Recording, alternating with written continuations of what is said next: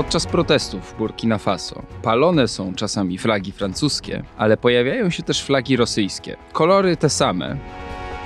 Tym razem Afryka postawiła sobie za cel, że ona wygra na, tym, na tej konkurencji, że będzie czekała, kto ile da.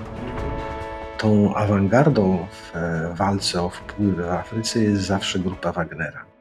Na Afrykę przypada jedna piąta wszystkich sprzedawanej przez Rosję broni. No jest to poważna rzecz. Dzień dobry, przy mikrofonach Krzysztof Story i Wojciech Jagielski. Słuchacie podcastu Tygodnika Powszechnego.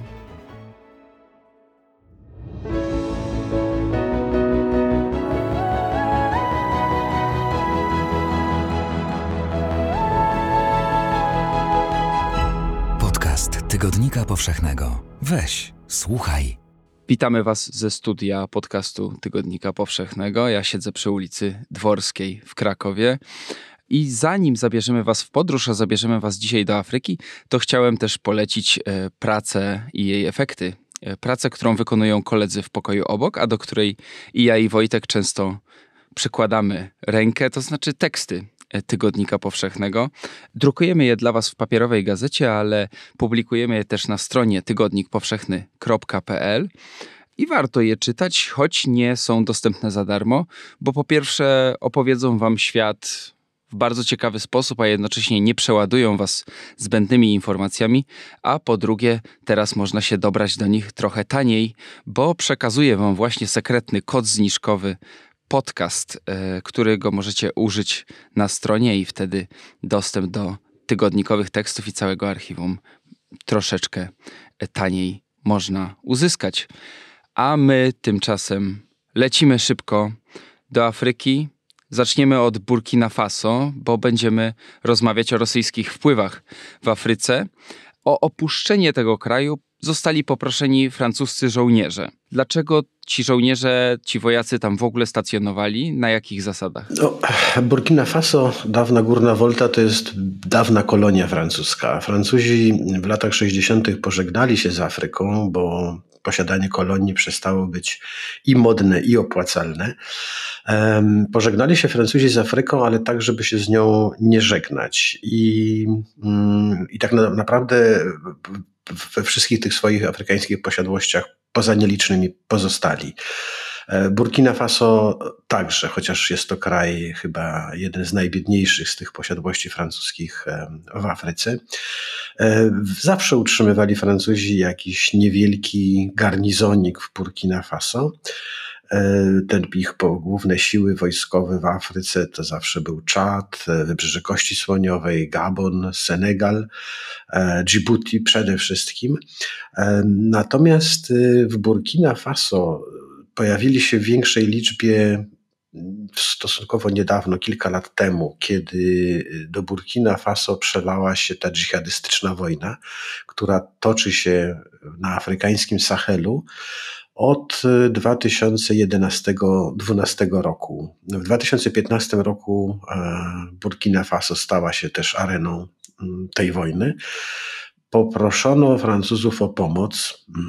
Zresztą Francuzów proszono o pomoc nie tylko, nie, prosili o pomoc nie tylko przywódcy afrykańscy, ale głównie przywódcy zachodni, bo Zachód pogrążony był wtedy w obu, w dwóch wojnach, w Iraku i w Afganistanie i bardzo chciał, żeby Francuzi wzięli na siebie mm, zadanie zaprowadzenia porządku czy utrzymania porządku na Sahelu w Afryce.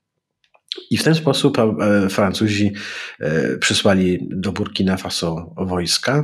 W 2018 roku podpisali z Burkina Faso nową umowę, która mm, zezwalała francuskim wojskom na prowadzenie działań zbrojnych e, na terenie tego afrykańskiego państwa. I tą właśnie umowę obecni przywódcy Burkina Faso, bo to są już inni przywódcy niż ci, którzy z Francuzami się dogadywali, tą właśnie umowę ci nowi przywódcy wypowiedzieli. O dżihadzie na Sahelu, o islamistach. E, rozmawialiśmy w e, dziewiątym odcinku, sprawdziłem to teraz, naszego podcastu i tam też wybieraliśmy się do Burkina Faso i do sąsiedniego Mali.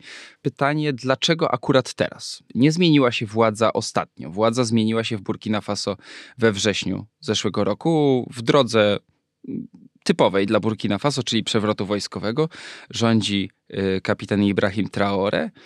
I dlaczego akurat teraz, pod koniec stycznia 2023 roku, prosi swoich y, dawnych sprzymierzeńców wojskowych o to, żeby uciekali z kraju? Tego rodzaju decyzje mm, nigdy nie są nagłe. Nie każe się wynosić komuś dyplomatycznie czy wojskowo z poniedziałku na wtorek. Mm, antyfrancuskie nastroje w Burkina Faso narastały mm, w ostatnich latach, z każdego miesiąca coraz bardziej nieprzyjazne. E, stawały się wręcz wrogie, bo ten zamach stanu jesienny e, kapitana Traore poprzedziły i antyfrancuskie demonstracje przed ambasadą Francji, żądania, mm, żeby wypędzić z kraju francuskiego ambasadora. Spalono Instytut Francuski w Ouagadougou, w stolicy Burkina Faso. E, Francuzi płacą za mm, płacą cenę za, no, za wiele spraw, ale ta, ta, ta, ta ostatnia ich przewina to Mm, brak spektakularnej skuteczności w walce z partyzantką. Z tego samego powodu mm, w Iraku domagano się, żeby zachodnie wojska już poszły sobie w diabły, e, a w Afganistanie e, to o to samo prosili Afgańczycy. Chociaż początkowa, e, w początkowych tygodniach inwazji i w Afganistanie sam, z całą pewnością ta, ta inwazja była witana z nadzieją i aplauzem. W Iraku myślę, że bardziej sceptycznie, ale jednak też, bo pomogła pozbyć się tyrana. E, Francuzi lądowali w Mali, bo od tego zaczęły się te wojny dżihadystyczne Francuzów na początku 2013 roku, kiedy dżihadyści podchodzili pod bramy malijskiej stolicy Bamako. Gdyby nie Francuzi, to dżihadyści by Bamako zajęli i dzisiaj prawdopodobnie ten kalifat, który nie obejmuje żadnego dzisiaj terytorium, ale rozpościerałby się na znaczną część Sahelu. E, to Francuzi rozbili, to, to, to, to, to, to powstrzymali pierwsze natarcie i rozbili e, armię dżihadystów, no ale oni, jak to partyzanci, e, przegrali, rozpieszli się po, po, po całym Sahelu, a jest to teren ogromny, bezludny, pozbawiony dróg. Ukrywać się tam jest y, łatwiutko, ścigać tych, którzy się ukrywają, niezwykle trudno. No więc oni się rozpieszli po całym Sahelu, skrzyknęli po paru latach ponownie i zaczęli prowadzić wojny już nie tylko w Mali, ale w całym regionie, a Francuzów było wszystkiego 2-3 tysiące spadochroniarzy i żołnierzy Legii Cudzoziemskiej, no więc tak małą armią e, nie mieli najmniejszych szans, żeby sobie z tymi dżihadystami e, poradzić. Afrykańskie armie były wsparciem żadnym albo bardzo mizernym z tych wojsk e, z tego regionu. Tak naprawdę liczy się tylko wojsko Czadu, ale oni z kolei toczą te swoje wojny na swój sposób. E, owszem, zwyciężają i gromią przeciwników, ale przy okazji popełniają całą masę wojennych zbrodni grabią, gwałcą, mordują ludność cywilną, więc takich sojuszników e, no trochę niezręcznie mm, z takimi sojusznikami utrzymywać e, przynajmniej jawny kontakt. Więc e, Francuzi walczyli jak mogli e, z tymi dżihadystami, natomiast e, kiedy ta wojna się rozlała i przybrała na sile, ci, którzy bili brawo lądującym spadochroniarzom francuskim w 2013 roku, zaczęli ich przeklinać, że toczą wojnę już czwarty, piąty, szósty, siódmy rok i jej końca nie widać, co jest coraz gorzej, a w dodatku francuscy żołnierze byli postrzegani słusznie zresztą jako obce wojska, które przybyły na zaproszenie prezydenta, e, który, był, który okazywał się z kolei przywódcą fatalnym, skorumpowanym i którego mm, rodacy najchętniej by się pozbyli. A poza tym jeszcze potomkowie dawnych kolonizatorów. No i o, to już o tym nie mówię. Ja tu już tylko wspominam o tych, e, o tych współczesnych e, pretensjach do Francji. Więc e, no, tak, tak byli postrzegani Francuzi w ostatnich latach i w Mali, i w Burkina Faso jako ochrona osobista skorumpowanych i nieskutecznych prezydentów. Więc kiedy pojawiło się wojsko już miejscowe, bo ono walczyć z dżihadystami w tym to sobie nie za bardzo radzi, ale obalać prezydentów i przejmować władzę, tu to większych mistrzów nie ma, przynajmniej w Afryce. E, I zamachy stanu zaczęły się mnożyć jeden po drugim. Najpierw e, dokonano zamachu stanu w Mali, później, rok później ponownego zamachu. Burkina Faso też w 2020 roku doszło do dwóch zamachów stanu, do pierwszego w styczniu i znów nowy przywódca wojskowy tak starał się jakoś e, e, zachowywać, żeby, żeby, żeby i jednocześnie przypodobać się tej rozczarowanej ludności, a z drugiej strony, no, jako realista, jako ktoś, kto rządził, miał rządzić krajem, no nie chciał wypowiadać przyjaźni najpoważniejszemu sojusznikowi Francji. Ale kiedy został obalony jesienią przez młodszego od siebie i niższego stopniu kapitana, to już e, tu się to wszystko skończyło. Nie dlatego, że przelała się czara goryczy i cierpliwości e, przywódców wojskowych Burkina Faso wobec Francuzów, tylko że pojawiła się e, alternatywa dla Francuzów, bo. Wejdę ci w słowo, bo o tej alternatywie zaraz porozmawiamy. Kapitan Traore przejął władzę na jesieni. Obiecał oczywiście zorganizować e, uczciwe i przejrzyste wybory w lipcu 2024. E, natomiast jak mu idzie walka z dżihadystami obecnie? Utrzymuje się taki, taki pad, to znaczy, mm, owszem, władze teoretycznie kontrolują większą część kraju, no ale jeżeli rząd kontroluje tylko większą część kraju, no to to już jest porażka. W dodatku partyzantka rozszerza te swoje terytorium. Zresztą z tymi afrykańskimi dżihadystami, w ogóle z wyznawcami e, Al-Kaidy czy państwa islamskiego, e, trudno wojować, bo im nawet nie chodzi o e, zdobywanie, zajmowanie i utrzymywanie terytoriów tych partyzanckich państewek czy parapaństewek. Mm, raczej chodzi im, albo przede wszystkim chodzi im o nękanie władz, zastraszanie ludności cywilnej albo zjednywanie jej sobie, pokazywanie tej ludności, że cywilne władze są złe, skorumpowane, dyktatorskie, e, bezbożne i jeszcze nieskuteczne. Więc y, tak prowadzić walkę jest szalenie trudno. Partyzanci nie ograniczają się ani nie stawili sobie za cel zdobycia kontroli nad Burkina Faso. Mm, natomiast jeżeli tam będzie jakiś prezydent w dzielnicy rządowej w Ouagadougou, a cała reszta kraju będzie nie to, że pod kontrolą dżihadystów, ale będzie jakby, to oni będą tam królować, to oni nawet tego prezydenta mogą nam sobie na urzędzie zostawić. Przeszkodzić też im za wiele nie może. Nie, nie, nie, oczywiście. A w odpowiedniej chwili będzie kogo powiesić na głównym rondzie, żeby zademonstrować e, rodakom swoje zdecydowanie i zrzucić winy za wszystkie niepowodzenia na, na poprzednika. W ostatnich tygodniach czy miesiącach raczej e, nie widać, żeby dżihadyści mm, jakoś bardzo zapamiętale walczyli o podbijanie kolejnych powiatów Burkina Faso. Raczej e, koncentrują się na, na tym, żeby tą wojnę przenieść jeszcze bardziej na zachód i na południe w kierunku wybrzeży e, Atlantyku nad Zatokę Gwinejską, no bo to już jest wtedy możliwość przerzutu, dostępu dostęp do, do, do, do transportu morskiego.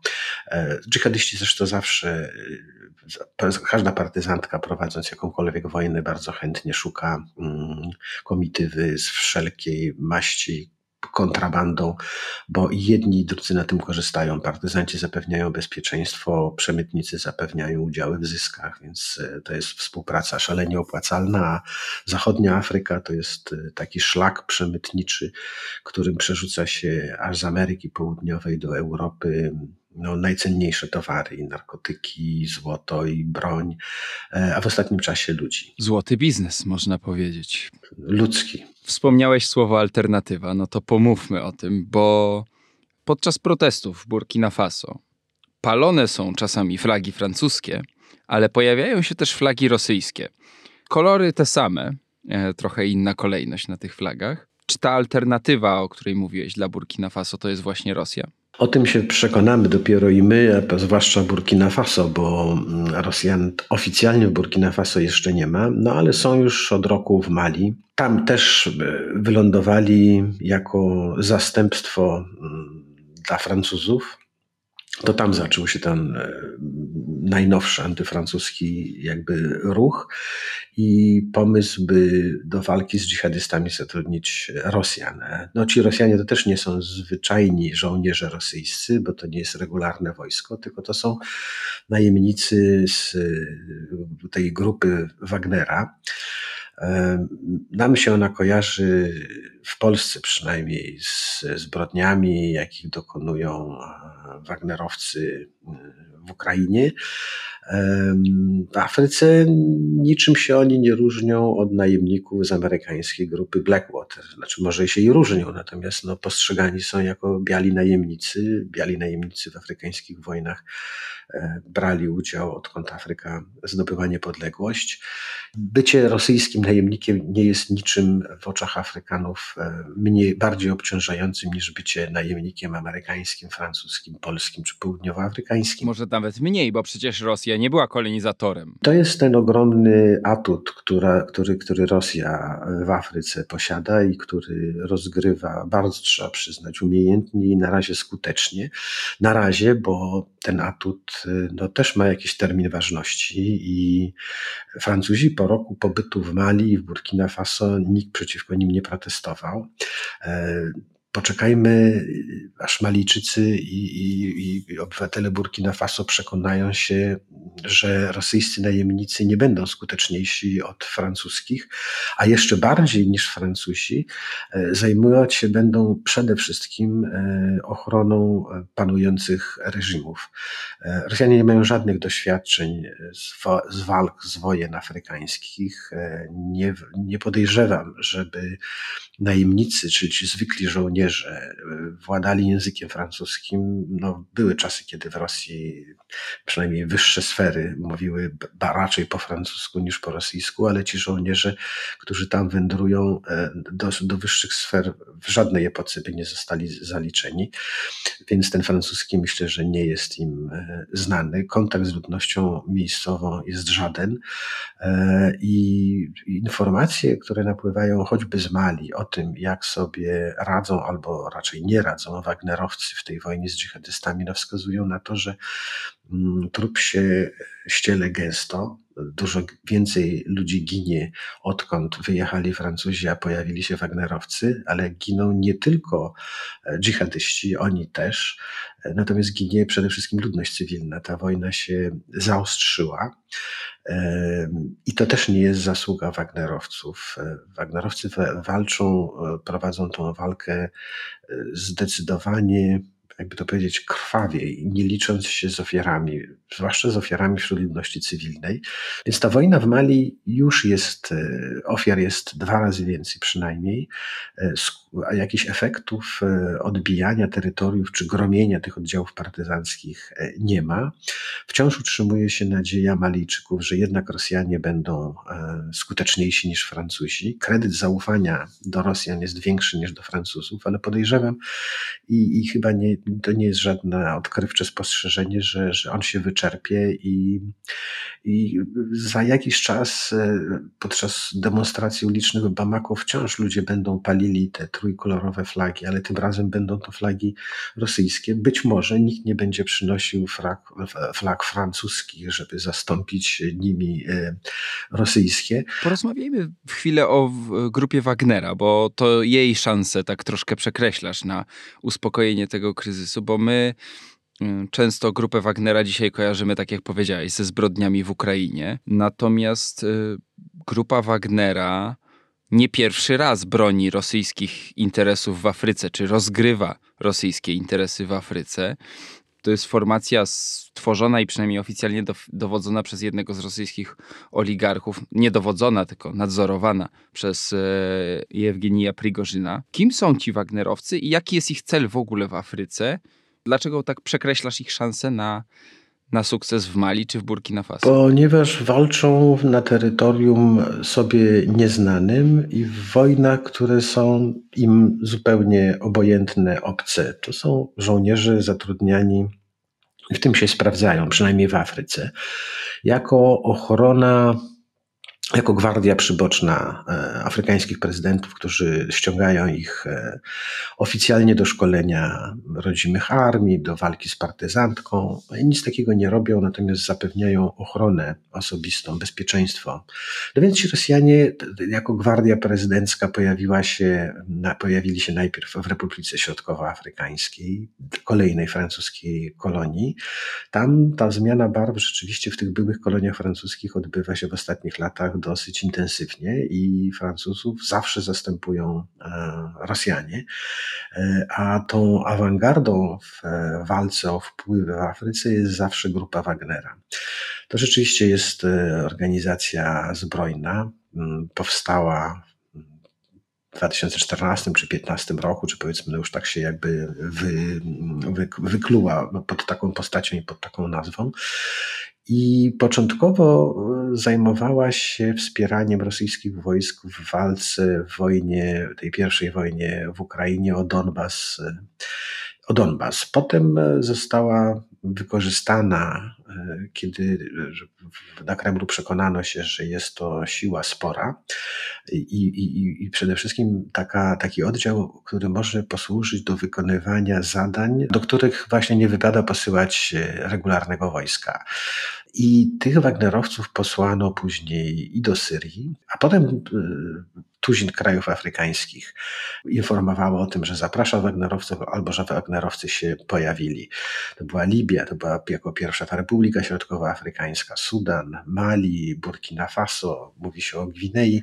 A oni tam strzegli prezydentów, ale też strzegli kopalni, surowców. Mm, inspiracją dla powstania grupy Wagnera była taka pierwsza ze współczesnych, nowoczesnych organizacji najemniczych e, południowoafrykańska firma Executive Outcomes, założona przez E, negatywnie zweryfikowanych oficerów e, białych e, apartheidowskich służb bezpieczeństwa. Takie południowoafrykańskie psy założyły, psy te filmowe, założyły mm, Executive Outcomes i to była firma niezwykle skuteczna z kolei, dlatego że oni walczyli w Afryce i klientów mieli afrykańskich, wiedzieli gdzie i z kim walczą, tym bardziej, że walczyli zwykle z partyzantami, których wcześniej wspierali. Mm, I oni y, wy, wyróżnili się także tym, że za swoje usługi kazali sobie płacić w gotówce, ale także kontraktami na e, wydobycie rozmaitych cennych minerałów.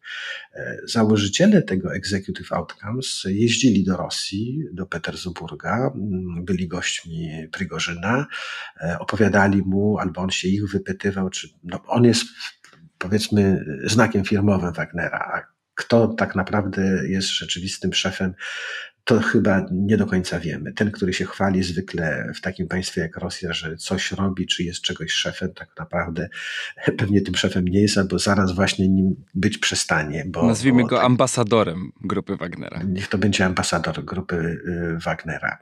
Y, I w grupę Wagnera, podpisując kontrakty y, z klientami zagranicznymi, także upomina się o to, żeby w zamian za swoje usługi otrzymywała prawo do eksploatacji eksploatacji, a to złóż złota, a to mm, diamentów, e, no wszystkiego, co się e, Wagnerowi czy Rosji, bo, bo Wagner, grupa Wagnera działa w ścisłym powiązaniu z Kremlem, to nie ma żadnych wątpliwości.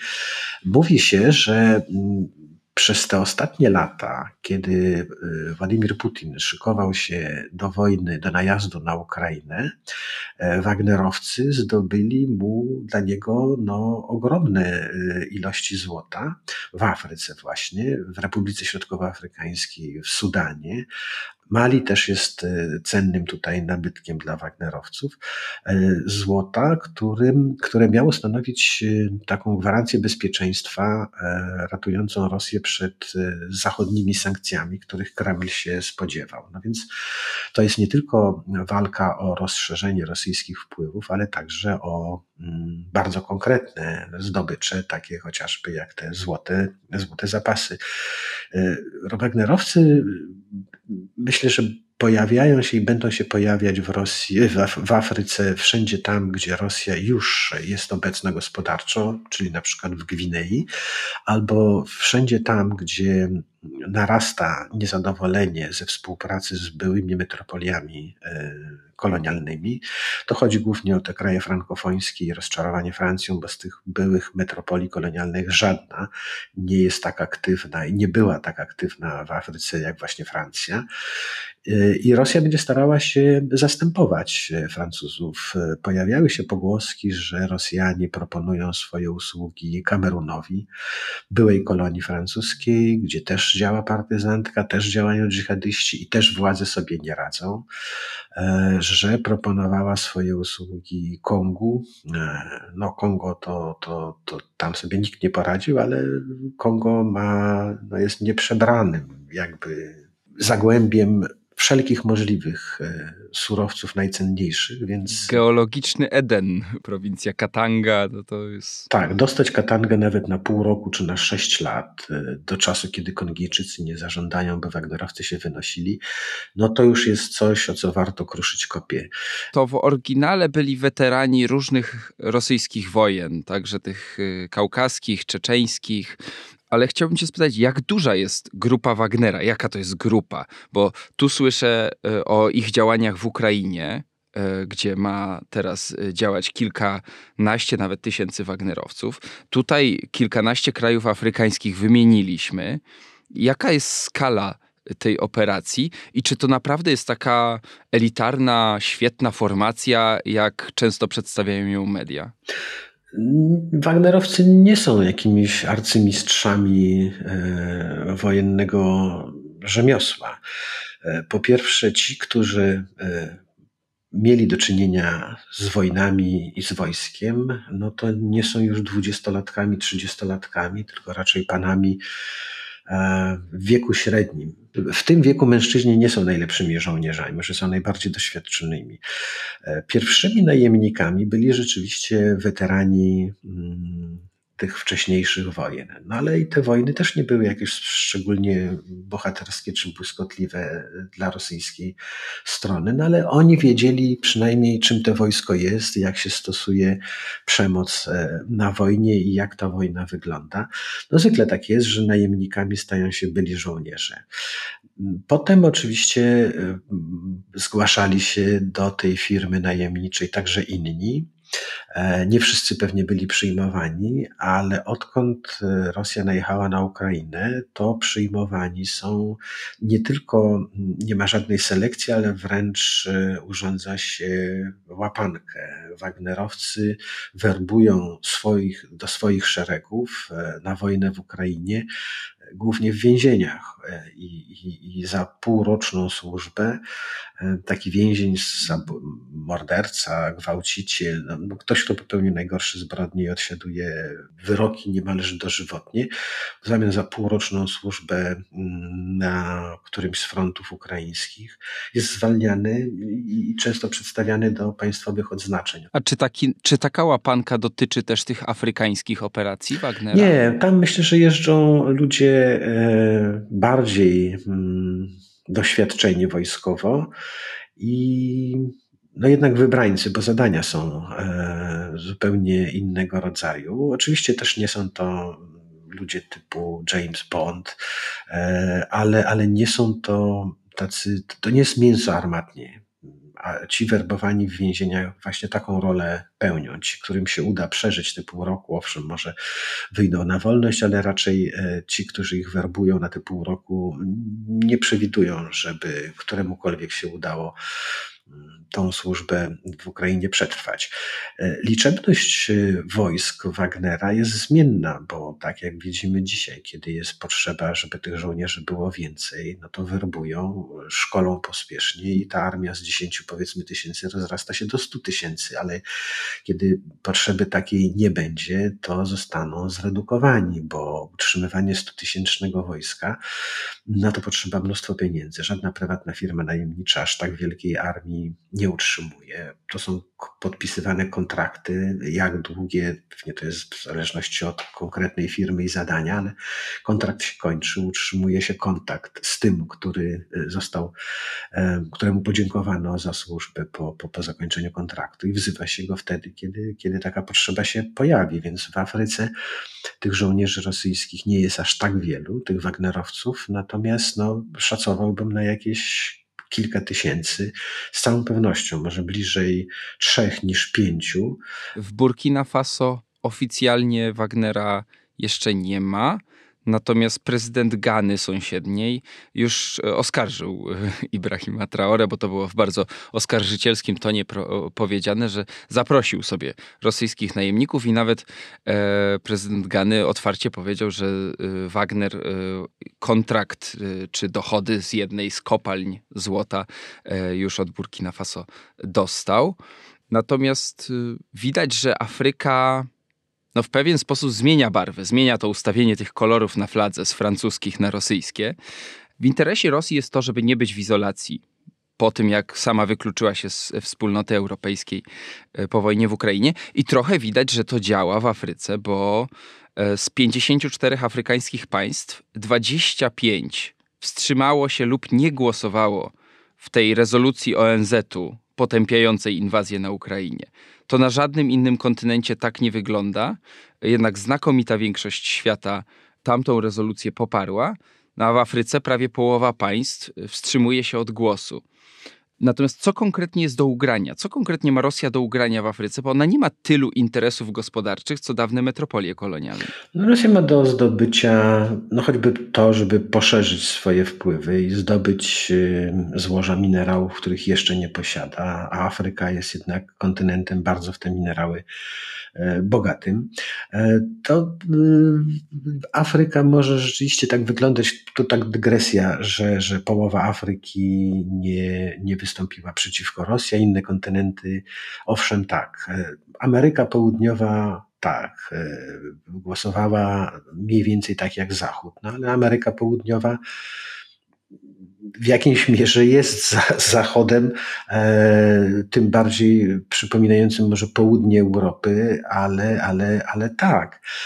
Natomiast z Azją już wcale nie było tak jak z Ameryką Południową. Raczej Azja miała podobne wątpliwości i wahania co Afryka, więc wszystko, co nie jest Zachodem, e, miało z, z takim sporym dystansem e, podchodziło i podchodzi do tego, co Zachód, e, do czego namawia ich Zachód w sprawie ukraińskiej i też daje przysłuchuje się tym e, tłumaczeniom i argumentom, które przedstawia strona rosyjska.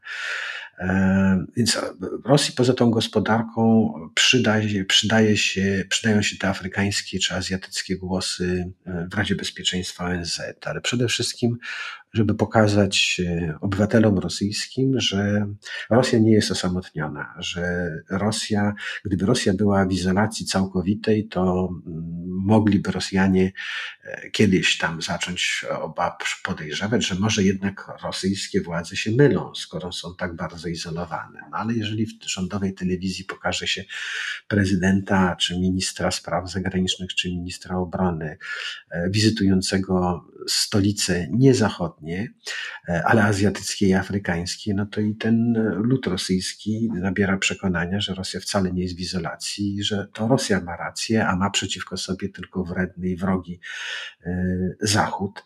E, Rosja przede wszystkim walczy z tym zachodnim porządkiem i, i, o to chodzi w wojnie ukraińskiej i o to chodzi o zabiegi także w Afryce. Rosja tłumaczy Afryce, że występuje, że nie zgadza się na dyktat Zachodu, że po zakończeniu zimnej wojny Zachód postanowił urządzić resztę świata na swoją modłę, nie licząc się z interesami czy ze zdaniem poszczególnych państw, e, że próbuje e, narzucić jeden porządek, jedną modę, e, tak, taki porządek, żeby sam głównie na tym korzystał. I tego rodzaju argumenty, bardzo często bałamutne, trafiają do, do, do, do, do afrykańskich przywódców i do afrykańskich społeczeństw, bo one też tak czują, że e, nadal e, Afryka jest przez Zachód, e, Afryka już niepodległa od tak dawna, ale że wciąż jest traktowana troszkę po macoszemu. I. A Rosja jeszcze występuje z pozycji tej, która te wszystkie ruchy wolnościowe w Afryce parę dziesiąt lat temu wspierała.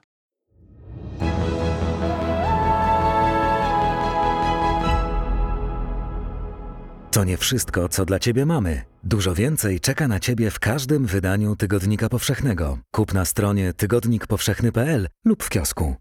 Wojtku, wspomniałeś o wizytowaniu stolic i faktycznie takie coś się odbywa. Ławrow, rosyjski minister spraw zagranicznych, jest obecnie na drugiej w ciągu pół roku wizycie w Afryce, robi objazd y, kilku krajów. To samo robią amerykańscy politycy. Teraz akurat y, pani y, Janet Yellen trwa pewna dyplomatyczna wojna przepychanki. Wydaje się, że wygrywa Rosja. Potwierdź mi to proszę, bo na przykład w Afryka Południowa teraz organizuje wspólne z Rosją ćwiczenia wojskowe, z Rosją i z Chinami. Tak, no to rzeczywiście fatalnie z naszego punktu widzenia, naszego europejskiego wygląda, bo te ćwiczenia wojskowe mm, będą trwały dokładnie w rocznicę najazdu rosyjskiego na Ukrainę. Więc y, na Zachodzie będzie to odbierane mm, jako no, sygnał ze strony południowej Afryki, że bliżej jej e, Rosji i E, Chin niż e, do Zachodu. Ale tak właśnie jest. Południowa Afryka należy do takiego ugrupowania BRICS. Poza nią należy tam Brazylia, Chiny, Indie i właśnie Rosja. To są państwa, które nie są wystarczająco może silne, żeby już dziś przeciwstawić się zachodniej dominacji w świecie, ale które sobie stawiają właśnie to za cel, inne uporządkowanie świata.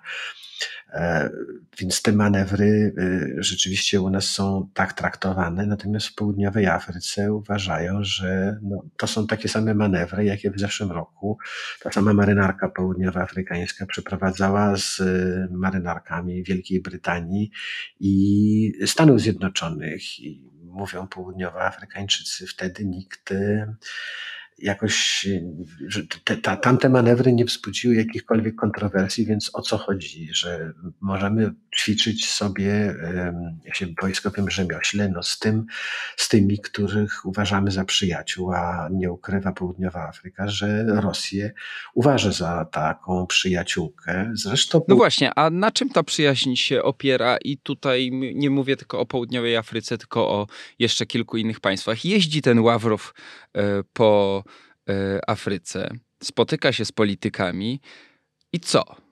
Co udaje się Rosji wynegocjować i co też Rosja oferuje e, Afryce? Rosja przede wszystkim odwołuje się do pamięci tej walki wyzwoleńczej, wsparcia, jakie e, Afryce udzielał Związek Radziecki, a odmawiał Zachód. E, więc Rosja wygrywa tą pamięć i tą przeszłość. A czy to się przekłada na kontrakty, na nowe umowy? Na... Może nie ma tyle do zaoferowania, co państwa zachodnie, bo rzeczywiście handel południowej Afryki e, ze Stanami Zjednoczonymi jest dwudziestokrotnie większy niż handel z przyjaciółką Rosją, ale Rosja Rosja e, oferuje Afryce choćby broń. Na Afrykę przypada jedna piąta sprzed, wszystkiej sprzedawanej przez Rosję broni. No jest to poważna rzecz. Rosja nie udzieli kredytów, tak jak Chiny, ale dostarczy e, sprzętu wojskowego, a on jest potrzebny, bo to jest kolejny mit, że cała Afryka pogrążona jest w wojnach, ale tych wojen jednak trochę jest i, i, i, i potrzebne są, e, potrzebna jest broń, żeby, żeby ją prowadzić, a Zachód odmawia tej broni państwom, e, rządom afrykańskim, które podejrzewa mm, o niezbyt staranne przestrzeganie praw człowieka czy, czy, czy, czy swobód demokratycznych. Mało który rząd w Afryce spełnia wszystkie te e, kryteria i, i, i mało który z tych rządów ma szansę na taką pomoc wojskową. Rosja Rosja ją zapewnia, więc to jest zawsze mile widziane. Myślisz, że to będzie dalej postępowało, że kolejne kraje będą zmieniać te barwy sojusznicze na rosyjskie i zapisywać się do obozu rosyjskiego? Myślę, że nie. Y, może się zdarzyć, że Wagner e, zdobędzie kilka nowych kontraktów, ale równie prawdopodobne jest, że wkrótce straci te, które już posiada, więc bilans zysków i strat może okazać się jednaki. Afryka mm, w tym sporze nowym między Zachodem i Wschodem tym razem jakby postanowiła sobie, że nie będzie na tym stratna, tak jak w czasach zimnej wojny, kiedy była traktowana jako pole zastępczych wojen i e, no, tam się toczyły te, te, te wojenki e, między wschodem a zachodem. Tym razem Afryka postawiła sobie za cel, że ona wygra na tym, na tej konkurencji, że będzie czekała, kto co, kto ile da. I Zachód i Wschód będą się tym razem licytować e, w ofertach dla Afryki. Być może Afryka na tym skorzysta, bo poza tymi podróżującymi prezydentami e, w grudniu w Waszyngtonie u Joe Bidena gościli przywódcy, ministrowie dyplomacji z prawie 50 afrykańskich państw. Wykluczone zostały tylko naprawdę kilka, w tym Erytrea, z którą Stany Zjednoczone nie utrzymują kontaktów dyplomatycznych. W tym roku na tak podobną naradę zaprosił Afrykę do Petersburga Władimir Putin, a Joe Biden wybiera się w pierwszą od lat podróż amerykańskiego prezydenta po Afryce, chyba pierwszą od czasów e, Obamy, z całą pewnością. Więc e, Donald Trump e, Afryki w ogóle nie był ciekaw. A jak się o niej wypowiadał, to paskudnie.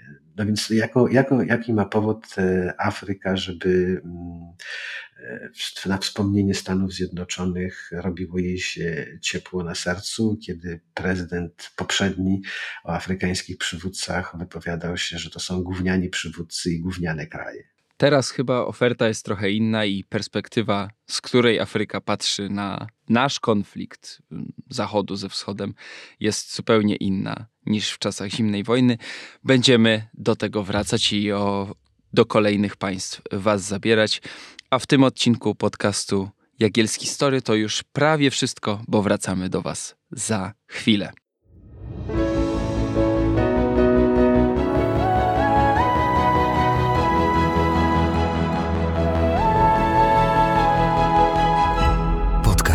Tygodnika Powszechnego. Weź, słuchaj.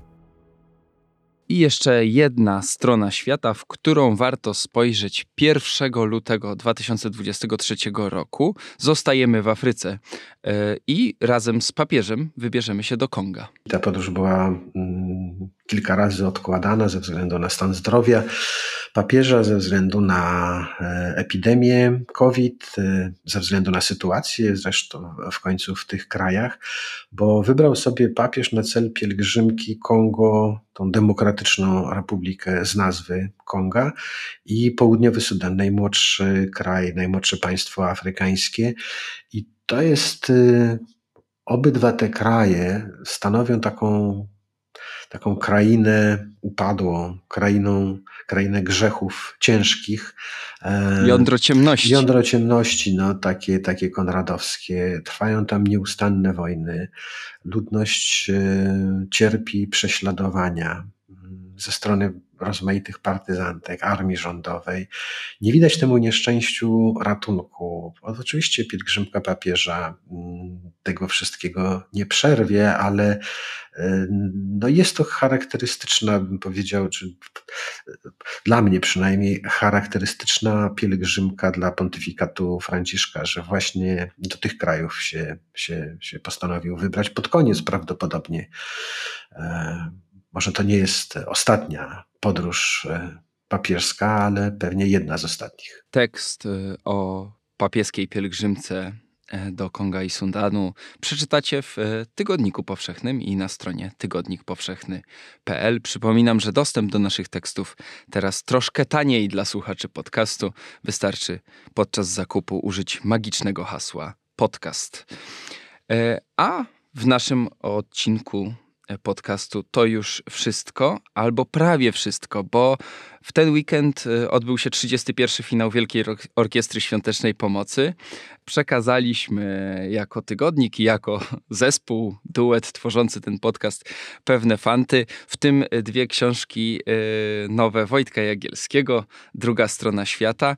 Y, Melduję, że poszły za naprawdę dobry pieniądz, chyba w sumie około 900 zł za dwie książki wpłynęło na konto orkiestry i z tego miejsca pozdrawiam szczęśliwych nowych nabywców, rozmówców, czyli panią Krystynę Szurmańską i pana Marka Troszczyńskiego.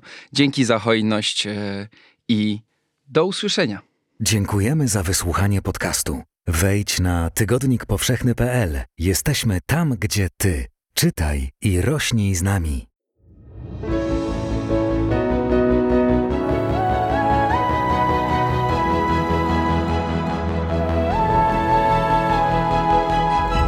Podcast Tygodnika Powszechnego. Weź, słuchaj.